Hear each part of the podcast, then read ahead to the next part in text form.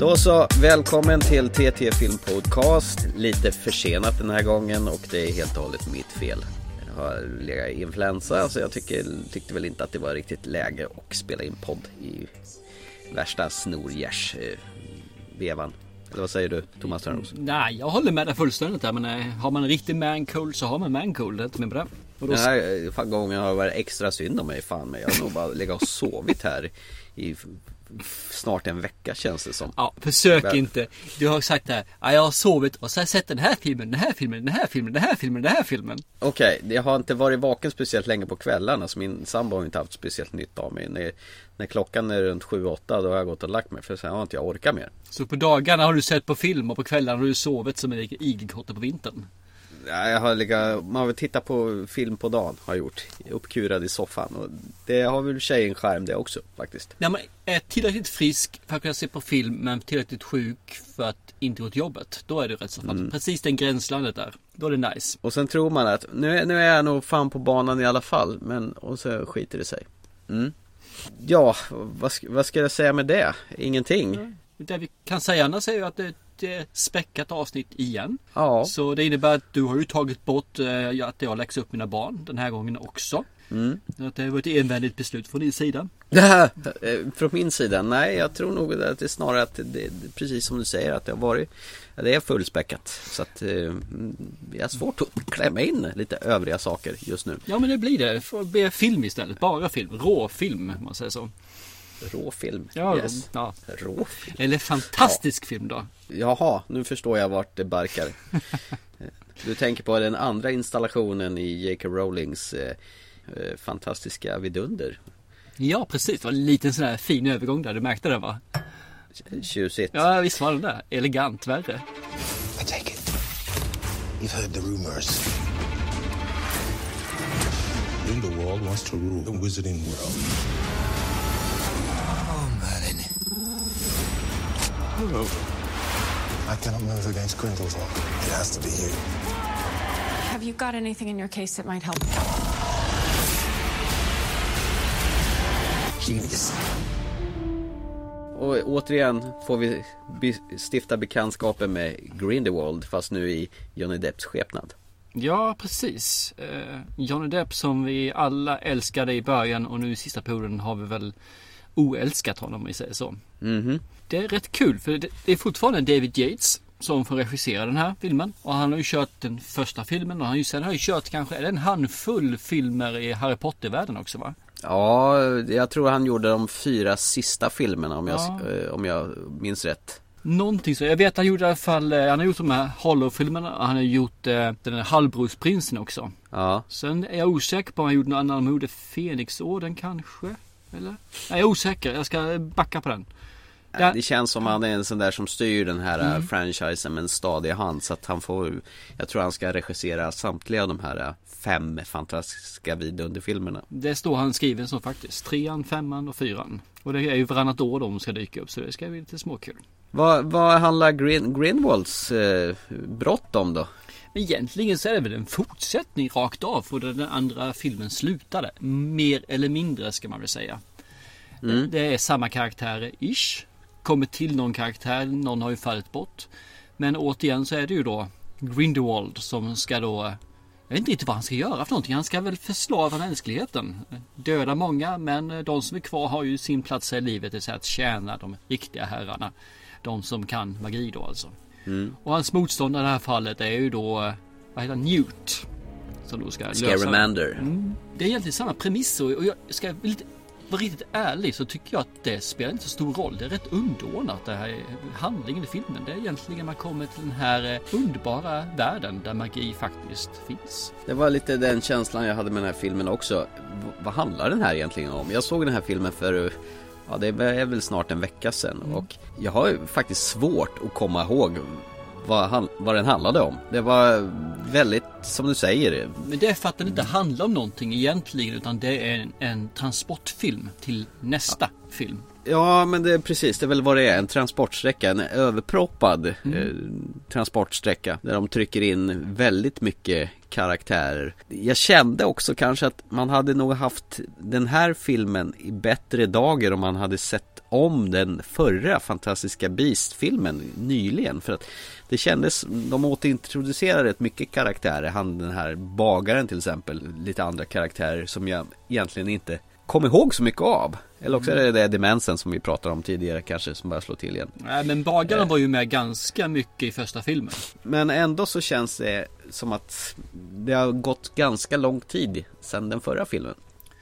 Eller också får man väl skylla sig själv om man inte såg den på bio kanske. Ja, det kan vara så. Men jag håller med faktiskt lite grann där också. Man, jag tror man har nytta av att se den här filmen i kloss med den första.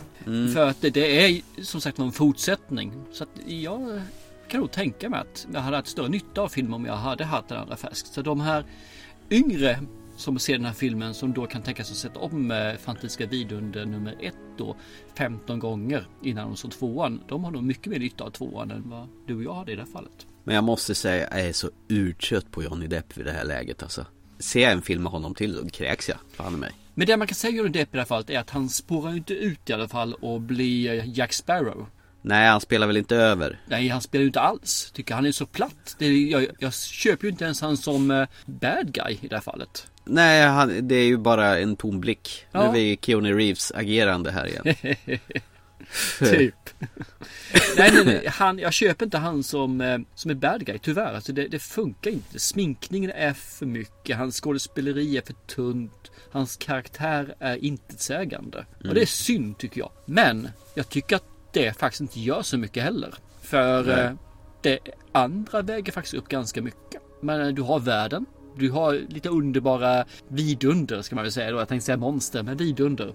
Du har rätt så härliga figurer också faktiskt. Som är bifigurer, de här som är vid sidan om figurerna. Som jag tycker är rätt nice och bekanta sig igen eller ny bekantskap. Det är ju rätt så mycket sådana här eh, hintar till Harry Potters värld hit och dit. Mhm. Eh, Karaktärer som har funnits och figurerar i Harry Potters värld. Och eh, huvudnumret är väl egentligen återkomsten till Hogwarts i den här filmen. Ja, precis. Där vi får eh, McGonagall, eller vad heter hon för någonting? Den här. Ja, professor McGonagall och Ja. sen får du ju dessutom trollkarlsläraren själv. Eh, vad fan heter han nu? Dumbledore menar du? Dumbledore ja, Mm. i, Jude Laws form som en yngre Dumbledore. Det, problemet är att jag köper inte Jude Law som en yngre Dumbledore. Däremot passar han jättebra som Dumbledore. Förstår du vad jag menar? Mm. Han, han, han passar inte som, han, det finns liksom ingen likhet med den gamla Dumbledore och den, nya, och den unga Dumbledore. Däremot tycker jag han fungerar bra som själva skådespeleriet. Lite arrogant som jag kan tänka mig att han har varit när han var ja, yngre och på sin prime. Eh, vad tyckte du om filmen annars då? Gav den det du ville ha den? Äh, alltså jag känner så här att visst det är ju mysigt att återbekanta sig med den här världen och de första tonerna i när Warner-loggan kommer och man inser att nu är det en, en J.K. Rowling historia så spelar de faktiskt de här Harry Potter-temat eller Hedwigs team som den hette från början. Eh, och likadant när de kommer till Hogwarts då inser man det verkar ungefär som att de implementerar eh, soundtrack för att du ska känna att det är den här världen du är i. Visuellt är jag där. Det stannar där tyvärr. Det händer inte så jäkla mycket mer utan det är vackert att se på. Eh, Jag tycker att den här mindre humor i den här filmen var, var den första. Så det går mer, det är väl liksom Harry Potter-filmerna, ju fler det blir desto mörkare ska det väl bli. Eh, Jag, och det jag tycker den här filmen, den tappar på grund av att den är ganska humorlös. Och det känns inte så jävla mycket. Det, det, det händer en massa och det, och det blir en sån här CGI-fest på slutet som, som i Marvels filmer. Att det, det blir överdådigt och då, då tappar jag lite intresset faktiskt. Det, det är ju något jag håller med om. Liksom. I Newt Scamander i den första fantastiska videon. Det är ju ganska bortkommen, charmig och finns en viss humor där. Den har ju suddats ut väldigt mycket. Mm. Och det tycker jag är synd. För jag, jag, förstår att man måste göra den här transformationen. Han ska bli allvarlig, ska bli mörkare, det ska bli. Men det gick lite väl snabbt på, eh, på den här skalan känner jag. Jag skulle ha sett en, eh, ett mellanting skulle jag vilja sett i den här filmen. Så det fortfarande finns den här bortkommenheten men mm, lite mer bort, i botten då. Ja, Eddie Redmayne är ju en jävligt skön skådis och han ser ju väldigt bortkommen. Han har ju en speciellt maner när han rör sig och tittar lite snett hela tiden. Och han är ju kanon men även hans karaktär blir lite bortslarvad i den här tycker jag. Det, det är lite synd för jag tycker han är en väldigt bra skådespelare. Framförallt då i The Theory of Everything som han gör helt superbt. Men det är som du säger, det här känns som en transportsträcka. Men med tanke på att det ska bli fem filmer totalt sett. Undrar vad nästa film är då. Om det kommer steppa upp ett snäpp eller om det också känns som en transportsträcka. Jag vet inte. Jag är rädd för att de gör på det viset och då har man misslyckats tycker jag. För det måste bli ett slut på filmerna. För det, så man får se att man kan hänga upp den på någonting. För annars är det bara, jaha, okej, okay, när kommer nästa? Om två år. Suck. Det hade ju funkat om det varit en trilogi. En start, en mitten mm. som brukar vara en transportsträcka och en grand final. Men här är ju fem filmer. Ja, ska... så då är det tre i mitten. Så du måste nästan göra ett avslut någonstans. Du måste göra alltså. Så det ska bli spännande att se vad det här mm. tar det. Och det ska bli intressant att se hur lång tid den ska utsträcka sig också. Om det här ska sträcka sig i en 10 år, 15 år, 20 år eller om det tar slut liksom när, när resten av när Harry Potter-världen mer eller mindre tar vid, om vi säger så. Med eh, Voldemort. Ja, vi får se. Ja, den som lever får se.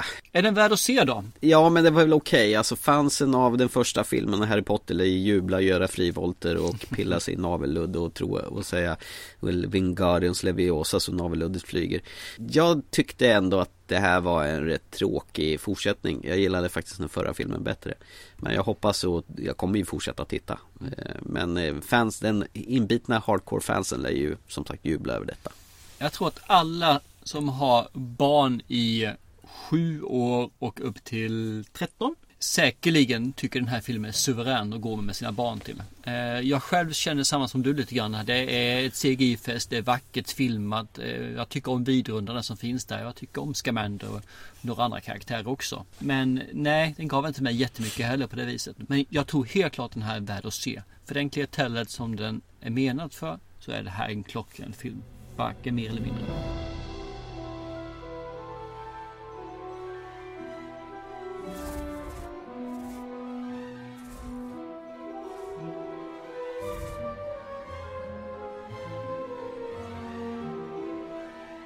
Ska vi gå på någonting eh, mera verklighetsförankrat eh, då?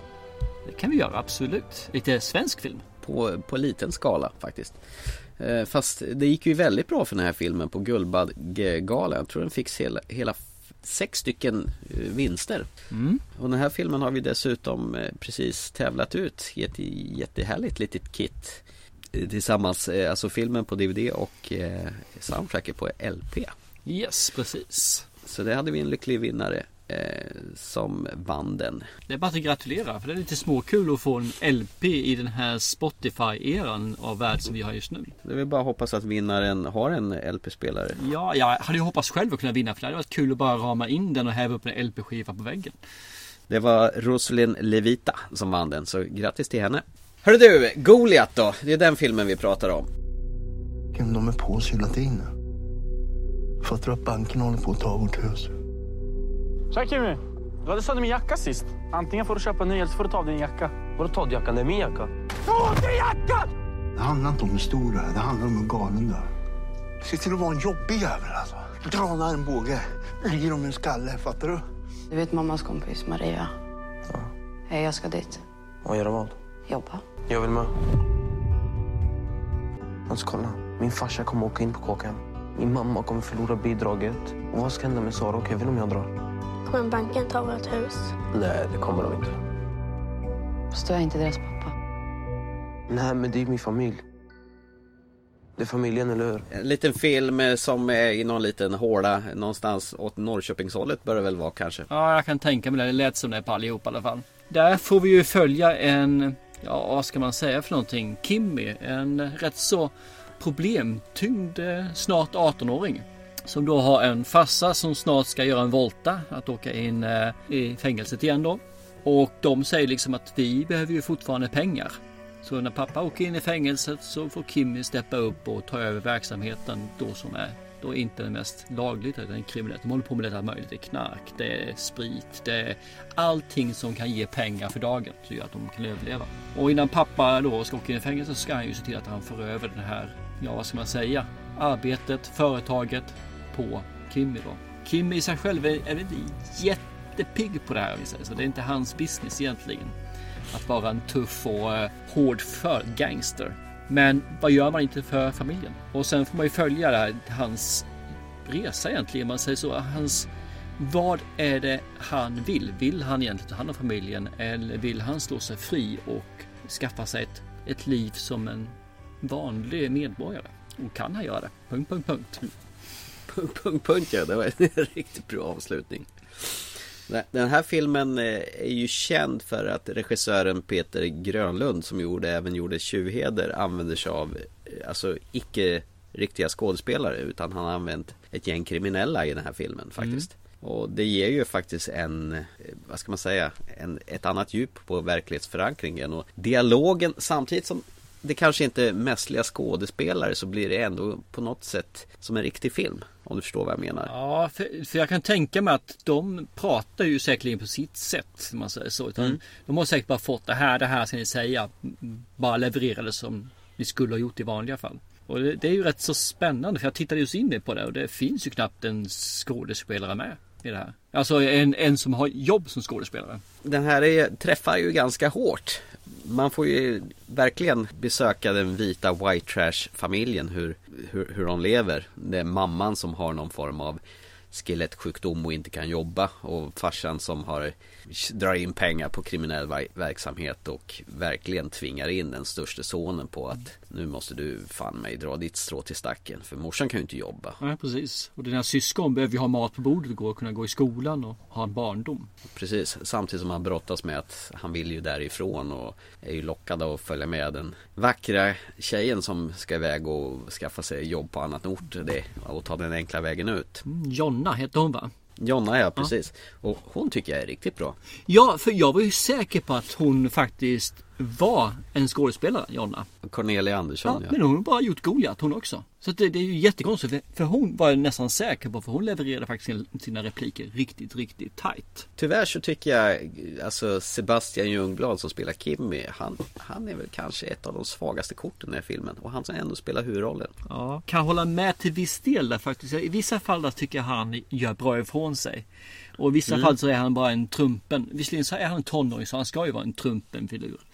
Men han, han är lite berg och dalbanaktig i, i sin roll. Han vet nog inte riktigt hur man fångar en karaktär och behåller den utan det känns som att han testar sig fram längs med filmen. Att han inte orkar hålla en röd tråd. Men jag säger inte att han är dålig. Jag säger bara det att eh, han är ju oerfaren alltså. Och det är inte konstigt för återigen det är hans första film han gör. Så att jag kan inte klanka på honom men som du säger han är ett svagt kort.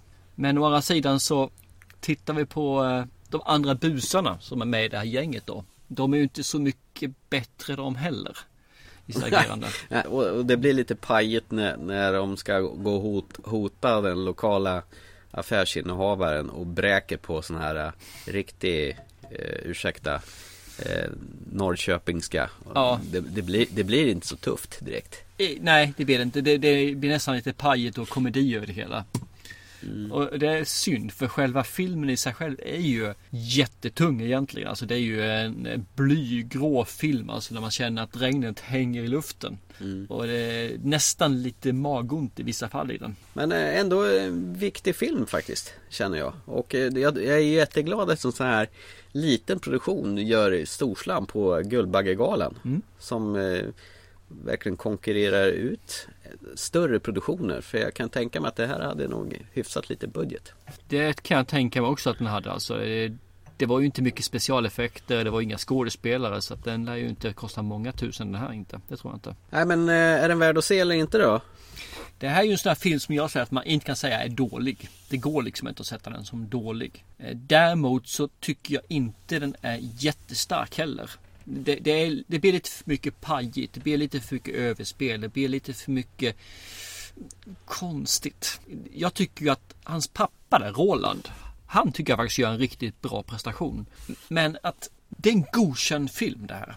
Det är alltså, jag kan mm. rekommendera folk som vill se en drama som är en liten slag i magen när man ser den. Jag vet inte varför jag inte sätter högre betyg för den har egentligen det som behövs.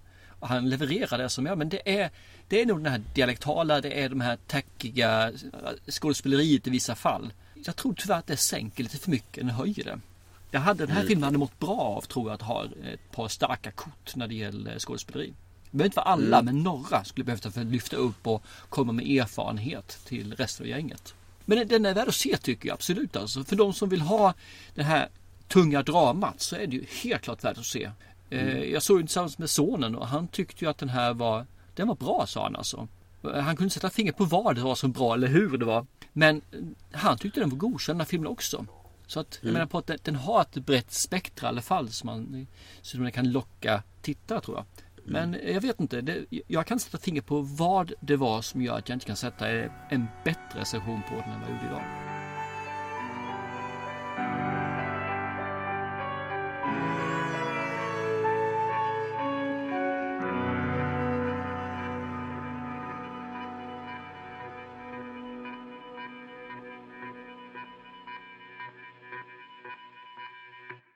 Så, eh, då så. Då går vi vidare från Sverige tillbaka till USA igen. Precis. Där vi får följa fyra stycken tonårstjejer som får problem med sitt grannskap. Ja precis, för filmen är väl egentligen man tänker vad händer om någon där ute helt plötsligt kan hacka dina accounts, Instagram, din mobiltelefon och gör det publikt till alla. Så de får se dina hemligheter, all mejlkonversation och messkonversation. Och då man börjar att släppa loss all den här informationen så att du vet allting om den andra. Vad du har surfat på, det vill säga på sidor eller andra saker. Vilka bilder du lagt upp. Vem du har messat med, vad du har sagt för någonting. Helt plötsligt kan du få lite oanade proportioner på eh, konsekvenserna. Och det är väl det lite grann vi får se här i Assassination Nation. Assassination Nation. Ja visst är det en underbar titel på en film, en tungvrickare. You may think I'm exaggerating, but this is the story of how my town, Salem, lost its motherfucking mind. I will warn you though, it gets pretty graphic.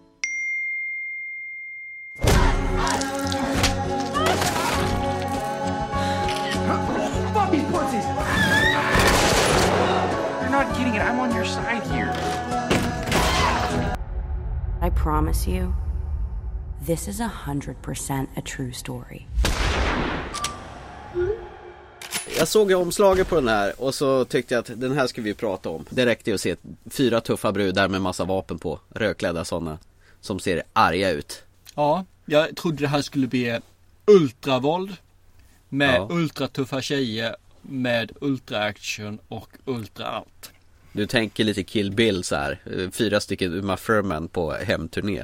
Typ. Eller det där Spit on your grave fast fyra stycken innan de har blivit begravda en gång. Men det blev ju fel, fel, fel, fel, fel, fel va? Så riktigt så blev det inte va? Nej, det här är ju mer en, eh, vad ska man säga, en mix av tonårsfilm, Ghost drama, Ghost, eh, vad händer om, eh, ja, typen.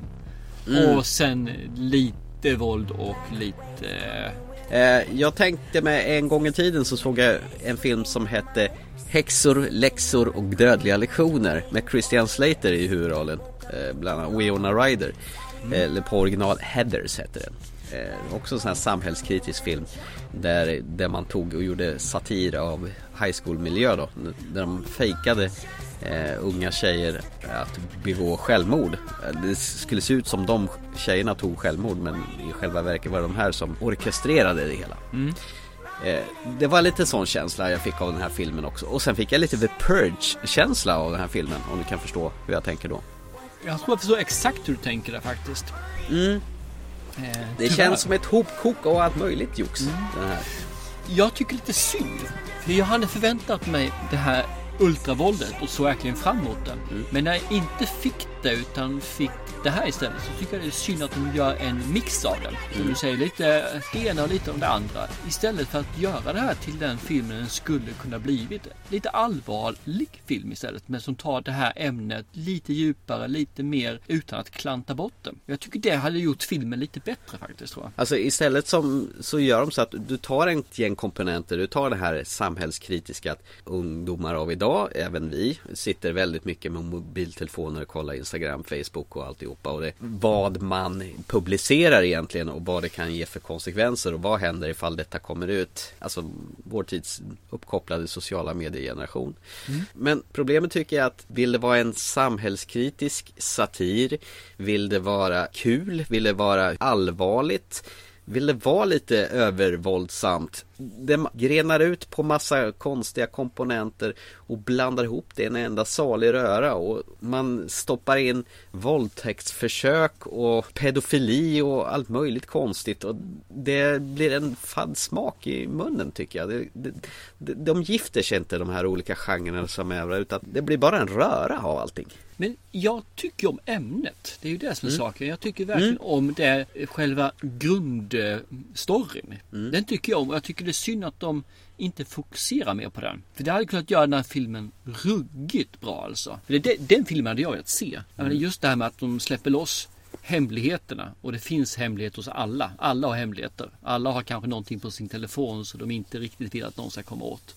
Varför spinner man inte vidare på den mer? Varför gjorde man det, ja som du säger, men varför gick man så här brett? Varför tog man inte den här filmen vi ska göra? Punkt. Mm. Håll dig till den. Jag kan säga så här, första sittningen, eh, jag kan säga att jag har sett den här filmen en och en halv gång kan jag säga. Okej. Okay. Eh, Somnade eller? Nej, först när jag stoppade i den så kände jag den första kvarten, 20 minuterna. Men vad är det här för skit? Måste jag verkligen genomlida det här? Jaha, för det måste jag göra. För den här har jag själv valt för att vi ska prata om den i podden.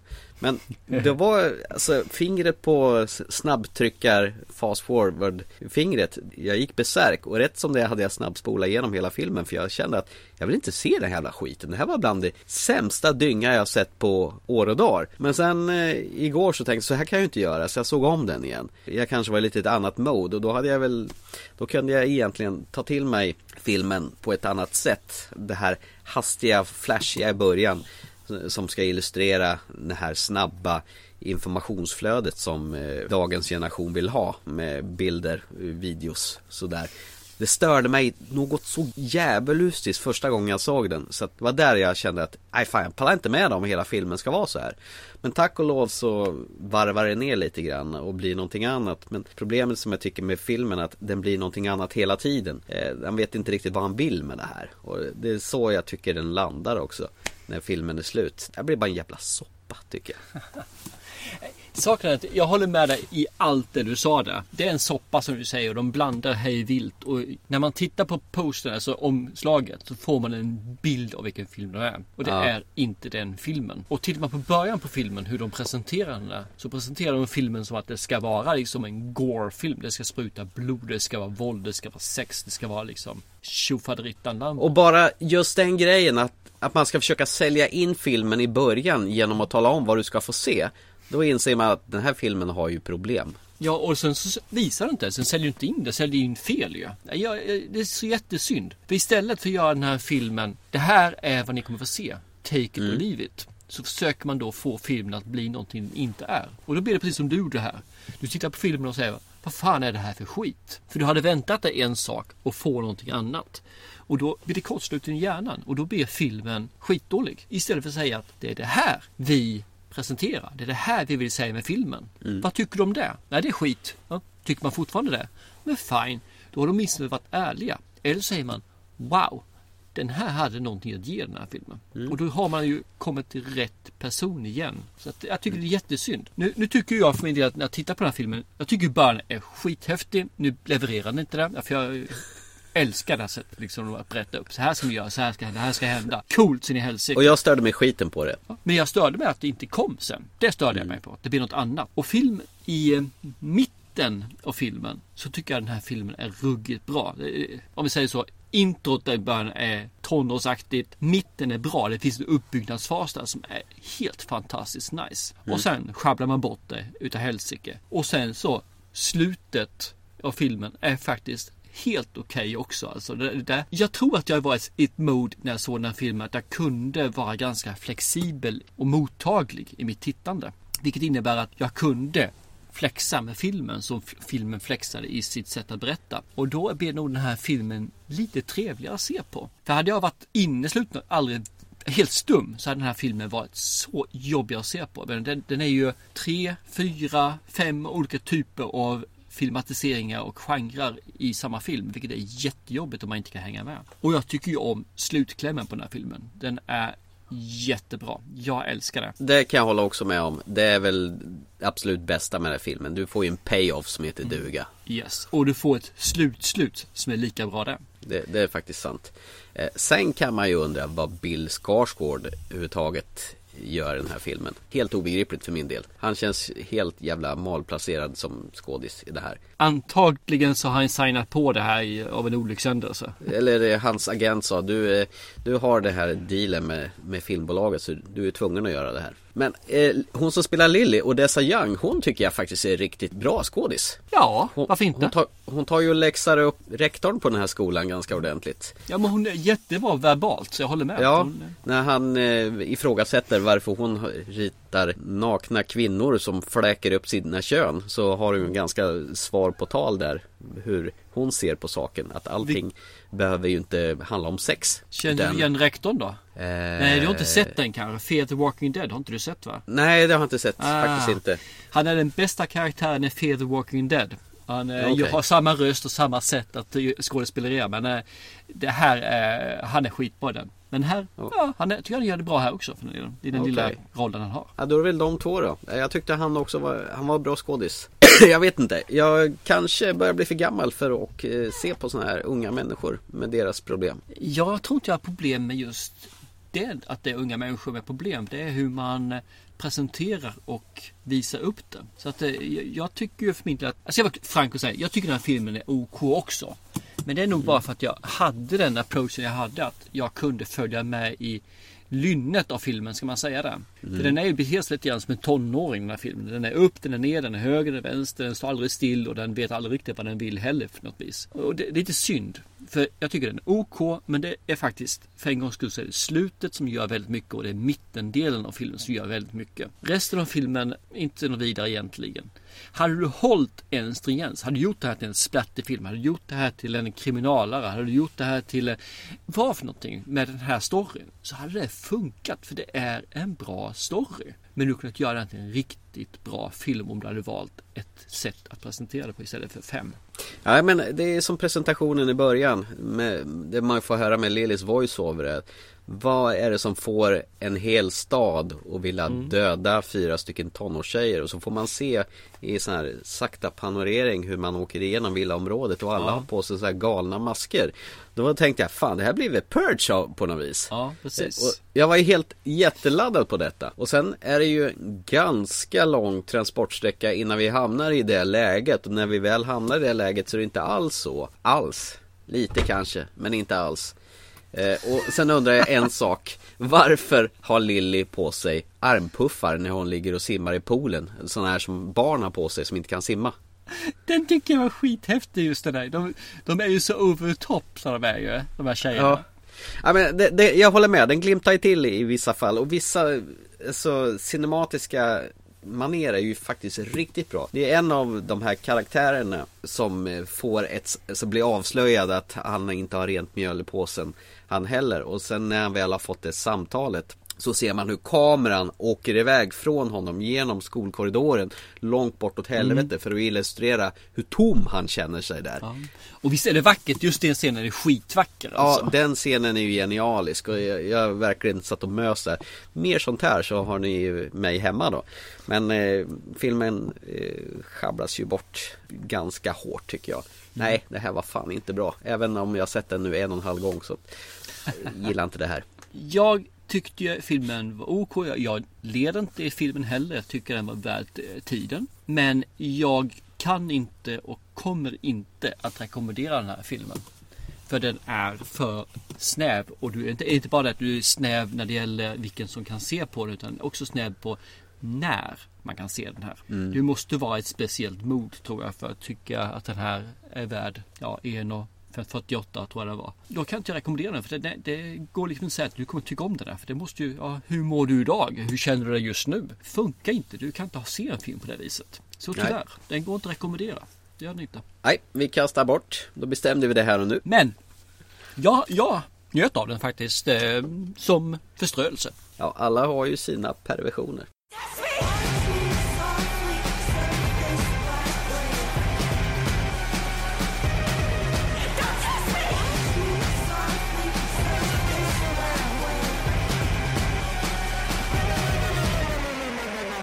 Men hörru du, nu är jag sjukt nyfiken när vi går till dagens sista segment idag och det var uppdraget från förra gången. Och jag gav dig den här gången en film från i år, 2019, eh, som är gjord av The Duplass Brothers som heter Paddleton. All right, listen, how about this? How about I'm going to make a statement, and if it's a true statement, then you don't have to correct me. Is what Michael has incurable? Dude, that's a question. You gotta. It has to be a, All right, it has to be a a statement. and then it All should. right, so my statement is what Michael has is incurable. That's it. So I'm thinking before it gets bad, I want to end it. I don't want to change things, you know? I want to make some pizzas. I want to play some Paddleton. They got a whole process that they give you the pills you can take, but I don't want to do it alone. And I was hoping you'd help me out.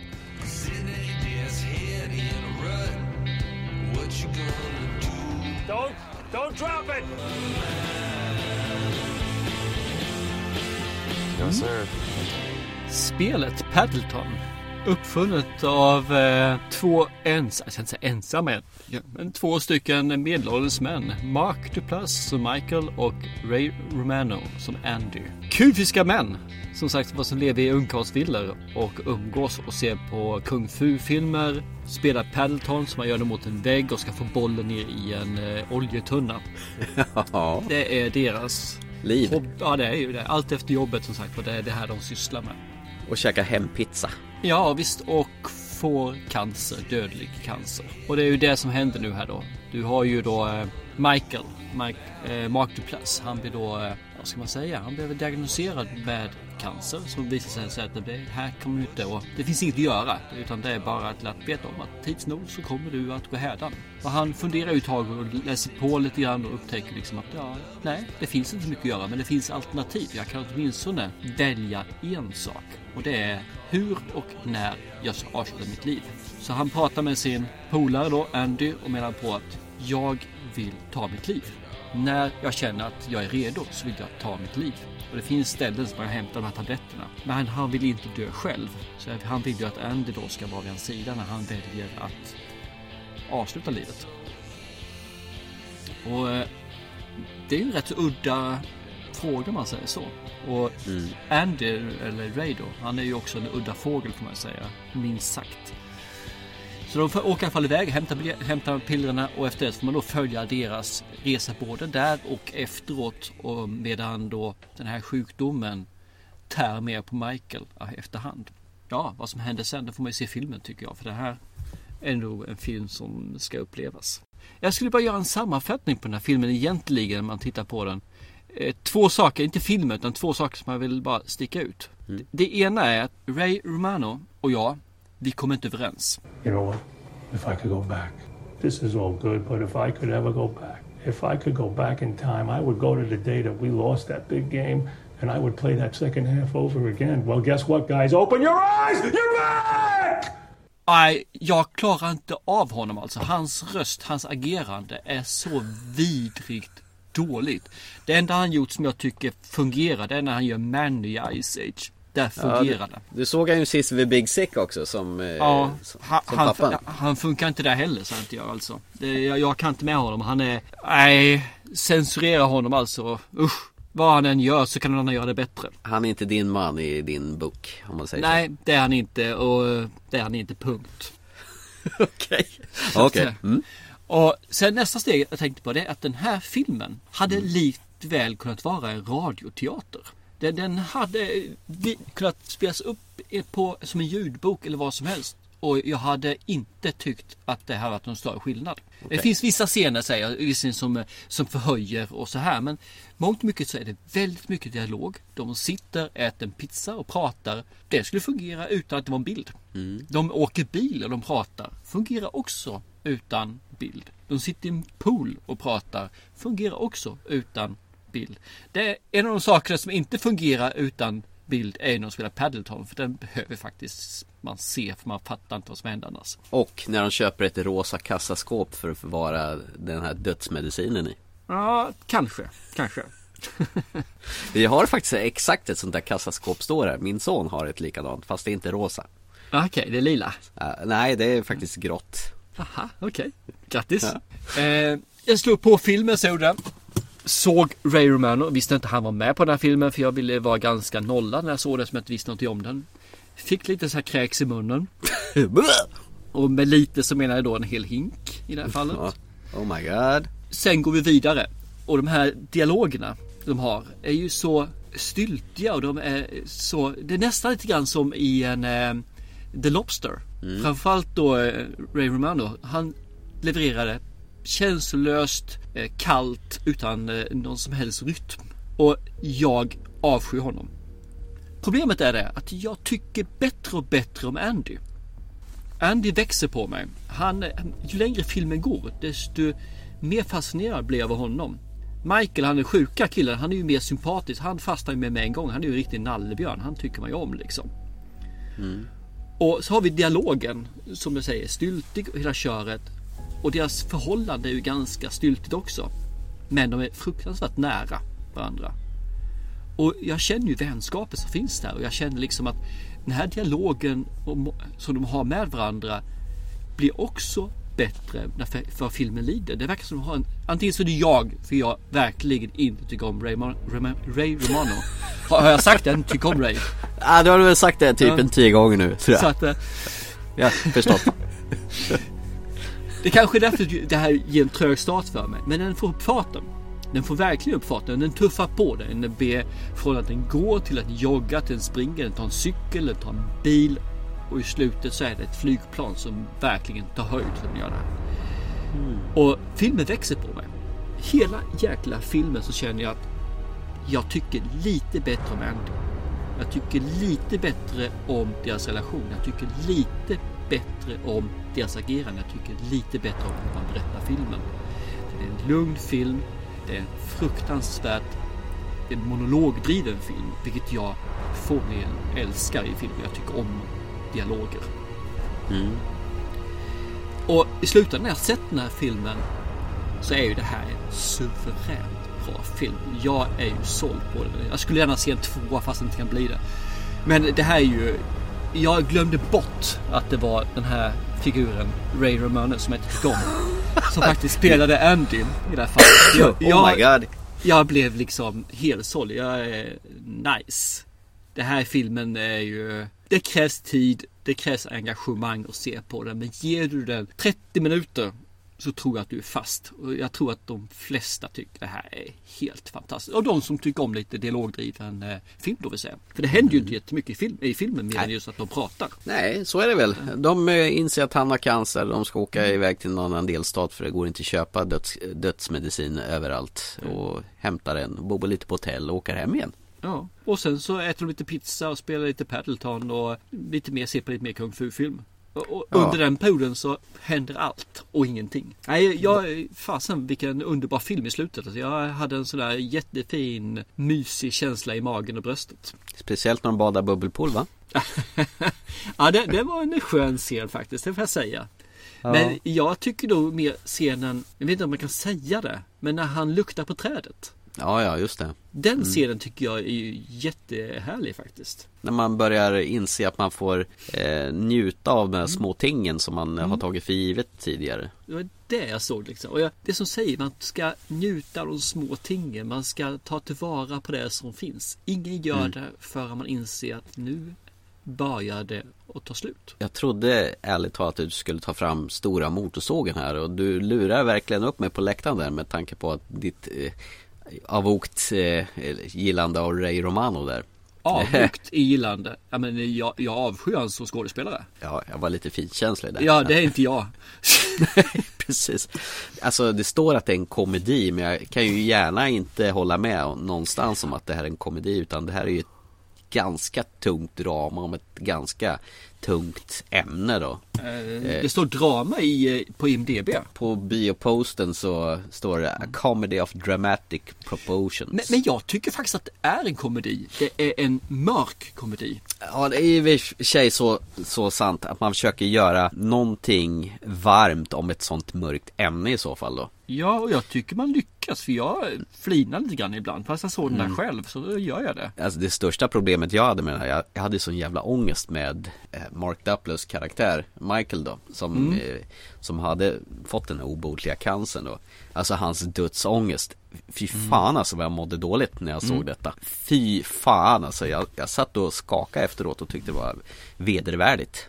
Okej, coolt. Mm, jag vet inte om det är så coolt men den, den eh, Ja men det är det ju, den för då har, du ju, har filmen nått fram till dig på ett Ja helt, det eh, gjorde det. det. var ju en smocka i magen alltså. Det, den berörde ju mig. Trots att det här är ju en ganska liten film. Men jävlar vad den gjorde saker med en på en timme och 29 minuter. Med alla inblandade, de få skådisarna som var med. Inklusive hon som hade det här pensionatet de hade hyrt sig in på. Ja precis. Nej, satan. Jag tyckte det här var en kanonfilm. Eh, jag fick den faktiskt tipsad av en en arbetskamrat på jobbet som jag tyckte att jag skulle se den här. Eh, och sen när jag förstod att Mark Duplass var med och han började prata om att det är ju killen i Safety Not Guaranteed. Då kände jag att det här måste ju vara bra. Det är ju det som är saken. Jag har ju sett Safety Not Guaranteed, älskade filmen. Såg Mm. den här, älskade den här filmen också. Och jag har varit och pillat på den här The Lazarus Effect som han också Mm. är med i. Som Mm. fanns i alla fall på Netflix för några månader sedan. Och jag har inte riktigt gett mig till att titta på den men det ska jag ju definitivt göra nu. För Mm. eh, han har, jag har sett två filmer med honom. Han har levererat i båda filmerna helt oklandrigt. Så det är klart Mm. att ska se nästa film också. Mark Duplass. Ja, de- är ju två. De är bröder. The Duplass Brothers står Mm. i produktionen i början. Och de har gjort flera. Och det finns tydligen en till som eh, blev rekommenderad att se som är lite äldre. En svartvit film som heter Blue Jay. Som ska tydligen vara ännu bättre än vad de här är. Okej. Så att eh, det finns tydligen en liten eh, skatt där som vi verkar ha Missat totalt ja. Missat och liksom eh, skarvat förbi på något vis. Men det är väl dags att beta av dem nu kanske. Ja, ser det ut. Ja men vad kul att du tyckte om den.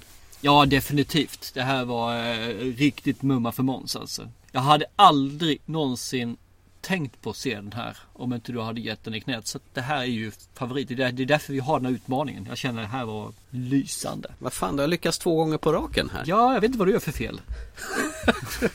Upprättelse! ja, precis. Nej, men Ja. jag, jag bara tackar och tar emot. Det är mer sånt här, mer sånt här. Eh, ja då, får jag inget då? Hallå? Jo då, Glöm- absolut. Jag sitter här och funderat så här gjort alltså. Det finns en film som jag såg för jättelänge sedan. Alltså några år sedan. Ja.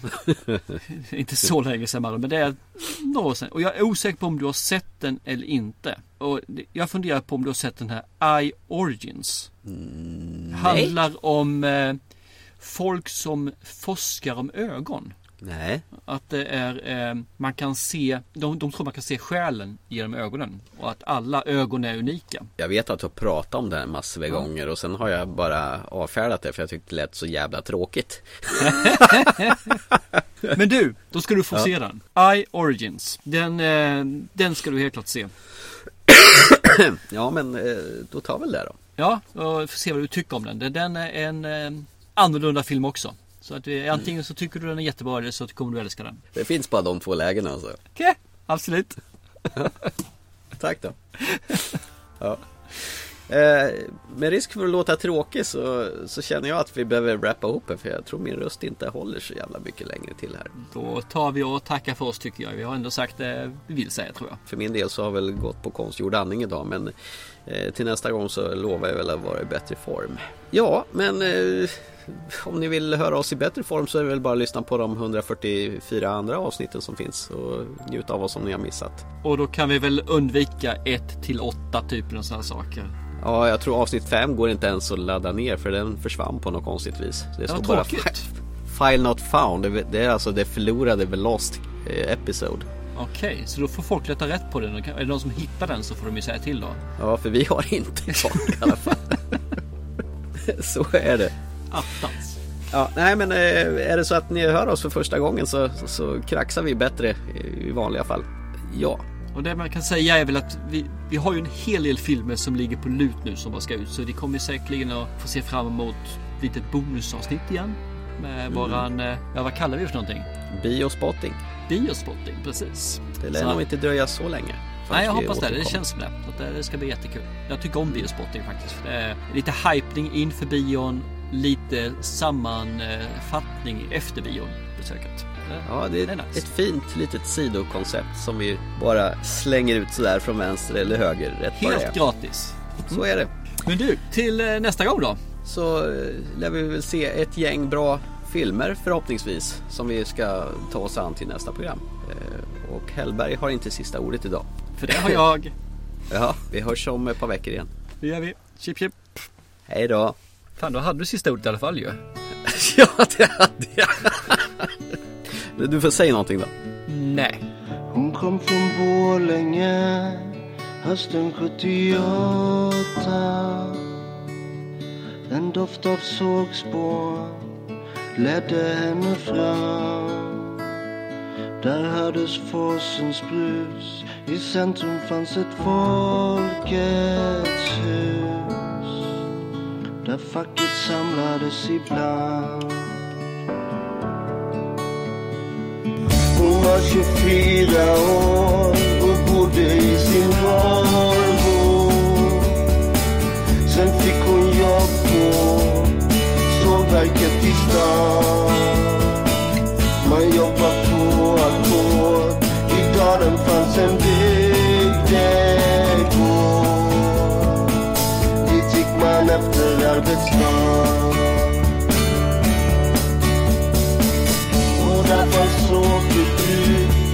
svetten vattnar jorden.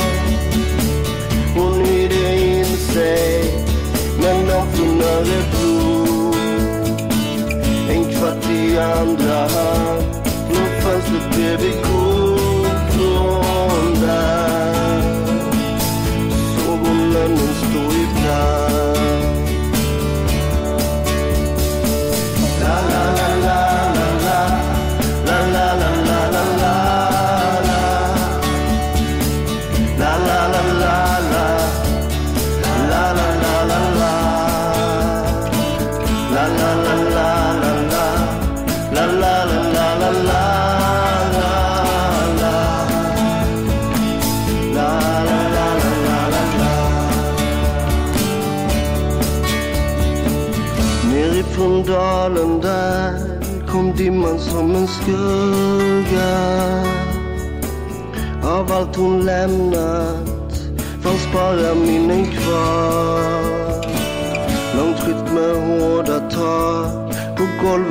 golvet med